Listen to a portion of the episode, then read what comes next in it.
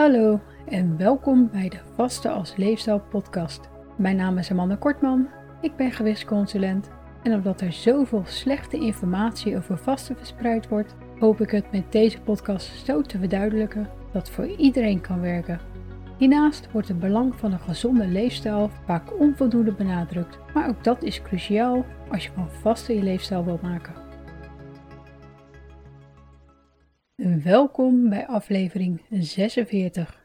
In deze aflevering bespreek ik wat granen en graanproducten zijn en waar je het best op kunt letten om hierin de gezondste keuzes te maken. Allereerst, wat zijn granen? Granen zijn de zaden van grassen en hierbij kan je denken aan tarwe, spelt en rogge. Door ze te malen en verwerken kunnen ze gebruikt worden om er bijvoorbeeld meel en graanproducten zoals brood en pasta van te maken.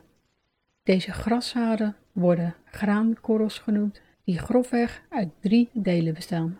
De zemel, die aan de buitenkant zit, de meelkern, die erin zit, en de kiem, die hier weer onder zit. In de links kan je hier ter verduidelijking een plaatje van vinden.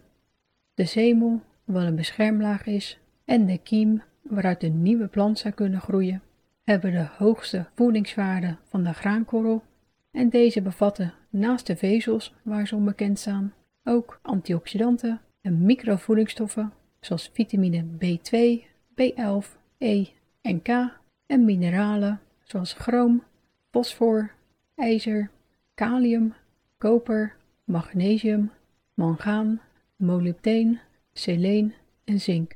De zemel bevat hiernaast de meeste vezels en de kiem een klein beetje vet. De meelkern, die vooral dient als energievoorraad voor de kiem, bevat daarentegen vooral koolhydraten in de vorm van zetmeel en wat eiwitten.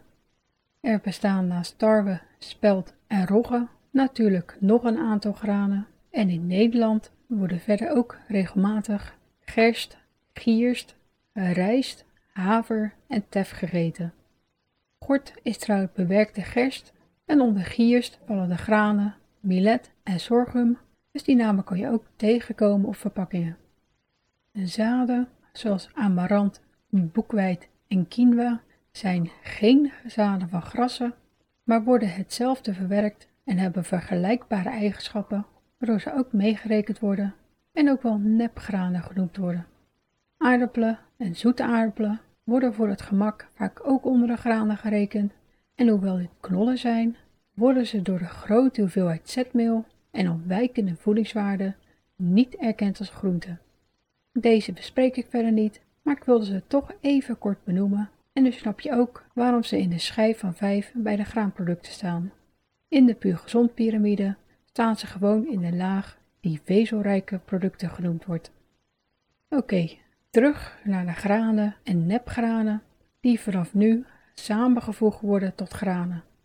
Ze staan al jaren in het verdomhoekje en dit geldt vooral voor tarwe, zodat de meeste producten die ermee gemaakt worden ontdaan zijn van de zemel en kiem door ze na het malen uit te filteren. Hierdoor zal de bloem die je nu overhoudt dus veel van de belangrijke voedingsstoffen, vezels en antioxidanten missen. In deze ultrabewerkte vorm, die je vooral terugziet in de vorm van witbrood, witte rijst, gebak, koekjes enzovoort, veranderen granen daardoor in snelle koolhydraten met een lage voedingswaarde. Wat er overblijft na het verwijderen van de zemel en kiem is tenslotte niks meer dan vooral zetmeel, wat zonder het vezeljasje niet alleen snel opgenomen wordt, maar daardoor ook een hogere glycemische index heeft en voor bloedglucosepieken kan zorgen. Hierdoor vult het minder goed, zal je makkelijker overeten en vergroot je de kans op overgewicht en andere welvaartsziekten.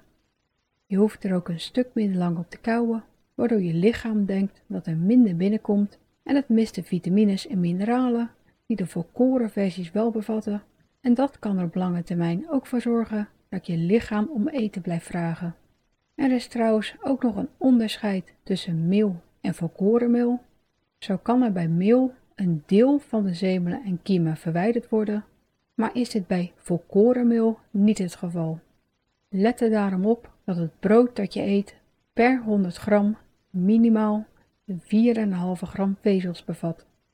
Voor rijst is dit minimaal 2,1 gram vezels, voor beschuit en crackers 6 gram vezels, meel en bakproducten 7 gram vezels en ontbijtgranen 8 gram vezels. En ga natuurlijk zoveel mogelijk voor de verkoren varianten. Veel graanproducten hebben het woord volkoren op de verpakking staan, maar in tegenstelling tot brood hoeft dit niet te betekenen dat ze helemaal volkoren zijn. Alleen bij brood is volgens de wet namelijk verplicht dat er 100% volkorenmeel gebruikt wordt als er verkoren op de verpakking staat. En de rest mag ook bloem bevatten. Dit staat het tegenwoordig er wel in kleine lettertjes onder, maar je pakt snel de verkeerde. Bloem is, zoals ik net al vertelde, datgene wat overblijft als de graankorrel wordt ontdaan van de zeebol en kiem. Dus als je dat in de ingrediëntenlijst van producten ziet staan, weet je dat de voedingsclaim die op de voorkant staat onzin is. Bruin brood is een combinatie van volkorenmeel en bloem en zelfrijzend bakmeel is niks anders dan bloem met een beetje bakpoeder of ander rijstmiddel, dus die naam is eigenlijk misleidend. Meergranenbrood klinkt hiernaast altijd erg gezond, dat een combinatie van twee of meer granen bevat, maar vaak bevatten ze ook bloem. Lees, zoals altijd, dus de etiketten, zodat je zeker weet wat erin zit en je hoeft de etiketten maar naast elkaar te houden om het verschil te zien. Zo bevat een gemiddeld volkorenbrood per 100 gram 7,7 gram vezels, bruin brood 5,5 en wit brood maar 1,7. Het verschil tussen de vetten en eiwitten is minimaal, maar doordat meel ietsjes meer vet bevat, is de houdbaarheid minder lang en dat is ook een van de redenen dat voedselfabrikanten liever bloem gebruiken. Zo blijven de producten die ze produceren nog veel langer houdbaar en dit geldt natuurlijk voor de meeste ultrabewerkte producten. Hiernaast vult het minder door de verminderde hoeveelheid vezels en voedingsstoffen en is het eindresultaat luchtiger, waardoor ze er ook nog eens meer van verkopen. Probeer het zelf maar eens. Met een paar volkoren boterhammen kan je makkelijk een paar uur vooruit. Maar na dezelfde hoeveelheid witte boterhammen zullen de meeste binnen een uur weer trek krijgen. Heb je ook na volkoren boterhammen alweer snel trek? Experimenteer dan eens met havermout, wat vaak erg goed vult, dat ook de oplosbare beta-glucane vezels bevat, die trouwens goed voor je cholesterolgehalte zijn. Om hier echt genoeg van binnen te krijgen, moet je trouwens wel 75 gram per dag eten, maar ter variatie is natuurlijk ook erg lekker. En ik eet het regelmatig. Je kan er ook lekkere pannenkoeken mee maken of het verwerken in een mugcake die binnen een paar minuten klaar is. Wat je op je brood doet, maakt natuurlijk ook een groot verschil. Een boterham met 100% pindakaas of een gekookt eitje zal natuurlijk veel langer vullen dan eentje met jam, doordat je dan meer eiwitten en vetten binnenkrijgt en met jam alleen maar snelle suikers. Naast dat veel graanproducten niet volkoren zijn, zijn de gluten die een aantal van ze bevatten toch wel het meest besproken nadeel. En als je celiakie hebt of last hebt van glutensensitiviteit, wat ook wel glutengevoeligheid genoemd wordt, dan is dit zeker terecht. Gluten zijn een eiwit die voorkomen in de granen, tarwe, spelt, rogge, gerst en natuurlijk alles wat ermee gemaakt wordt. Hiernaast kunnen diverse producten erdoor besmet raken, als bijvoorbeeld dezelfde machine die deze granen verwerkt, gebruikt wordt om niet glutenbevattende granen te verwerken of als er na het oogsten van een glutenbevattende graan dezelfde bak gebruikt wordt voor een graan die geen gluten bevat. Eén kruimeltje kan al voldoende zijn om voor klachten te zorgen doordat celiakie een auto-immuunziekte is, waarbij er ontstekingsreactie in het darmslijfvies van de dunne darm ontstaan als er dus gluten gegeten of gedronken worden. Hierdoor beschadigen de darmvlokken die je hard nodig hebt voor de opname van voedingsstoffen dus je snapt dat dit een groot probleem is. Hiernaast zorgt voor klachten zoals buikpijn, diarree en vermoeidheid en kan het bij kinderen ook voor een groeiachterstand zorgen. Bij glutensensitiviteit reageren de darmen ook op gluten, maar ontstaan er geen ontstekingen en alleen maar klachten. Op de website glutenvrij.nl kan je er veel informatie over vinden, mocht je er meer over willen weten. Een ander nadeel van granen kan zijn dat ze het antinutriënt vitinezuur bevatten, wat ervoor zorgt dat we mineralen zoals calcium, ijzer en zink iets minder goed opnemen. Gelukkig is dit effect minimaal, dus zolang je er dagelijks geen berg van eet, komt het helemaal goed. Veel granen bevat ook FODMAPs en dat is de hoofdreden dat ik er een beetje op let. FODMAPs heb ik in onder andere aflevering 30 besproken, maar dit zijn kort gezegd vormen van koolhydraten waar mensen met gevoelige darmen klachten van kunnen krijgen. Deze zitten onder andere in de glutenbevattende granen en alles wat ermee gemaakt wordt, maar in hoeverre je er last van krijgt is heel persoonlijk. Zo kan ik slecht tegen tarwe, maar rogge en spelt gaan een stuk beter, vooral als ik voor zuurdesem ga. Als je echte zuurdesemproducten hebt, dan zorgt het zuurdesemproces en de gisten en schimmels die er daardoor vrijkomen er namelijk voor dat de FODMAPs afnemen. Helaas wordt er met veel producten in de supermarkt gesjoemeld en bevat ze maar een klein beetje zuurdesem, waardoor er alsnog gist of andere reismiddelen worden gebruikt om het te laten rijzen.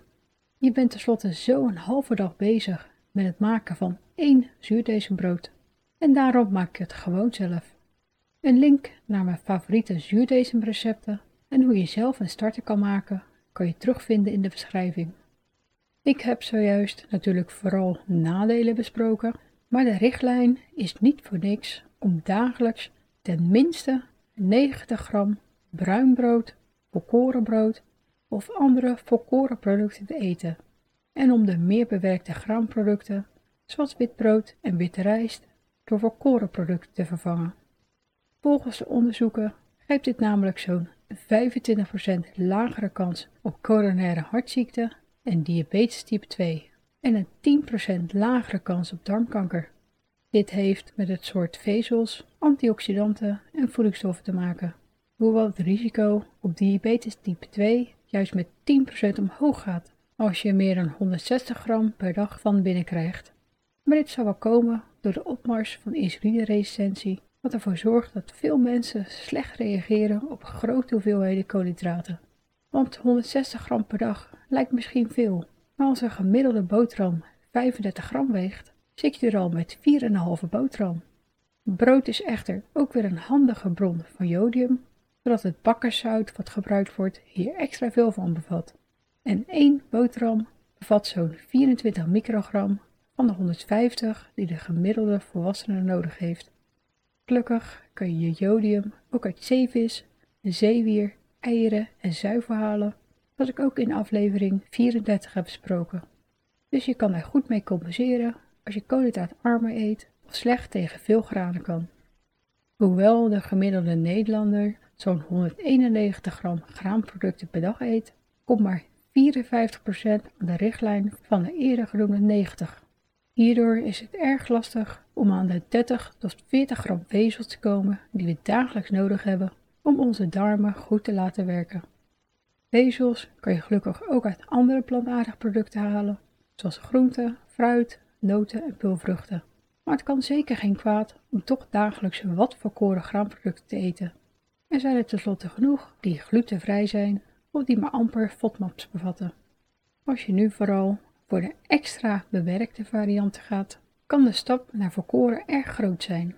Maar het valt gelukkig hartstikke mee als je stapsgewijs doet. Vervang bijvoorbeeld je witte rijst telkens voor ongeveer een kwart met zilvervliesrijst en ga van wit brood eerst over op bruin brood en dan het liefst ook nog naar volkoren. Kijk hiernaast ook eens naar je ontbijtgranen en ga stapsgewijs voor diegene met de meeste vezels en de minste toegevoegde suikers en vetten. Vervang wekelijks ongeveer een kwart van je huidige favorieten met de gezonde zodat niet alleen je smaakpapillen er makkelijker aan kunnen wennen, maar ook je darmen, zodat extra vezels niet tot extra verstopping leiden. Ook is het natuurlijk zonde om je huidige weg te gooien en zo maak je het langzaam maar zeker ook op. Al met al zijn volkoren granen en graanproducten een gezonde toevoeging aan je dagelijkse eetpatroon. En we hebben er niet eens heel veel van nodig. Met 2,5 volkoren boterham ben of neem eens een plakje roggebrood en een paar eetlepels muesli of havermout door je kwark. En door je witte rijst of pasta te vervangen door zilvervliesrijst of volkorenpasta ben je zelfs al binnen één maaltijd. Ook als vaster kan je daardoor makkelijk aan de aanbeveling komen. Varieer, zoals gewoonlijk, lekker met de verschillende soorten aangezien ze allemaal net wat andere voedingsstoffen, vezels en antioxidanten bevatten, zodat je van alles wat binnenkrijgt en het niet gaat vervelen. Beveelt het toch? Experimenteer dan eens met het zelf maken van volkoren brood en crackers, waar je ook eens wat noten en zaden doorheen kan mengen en het zelfs kan beleggen met de lekkere zelfgemaakte hummus. En waarom je dat wil doen, bespreek ik in aflevering 47.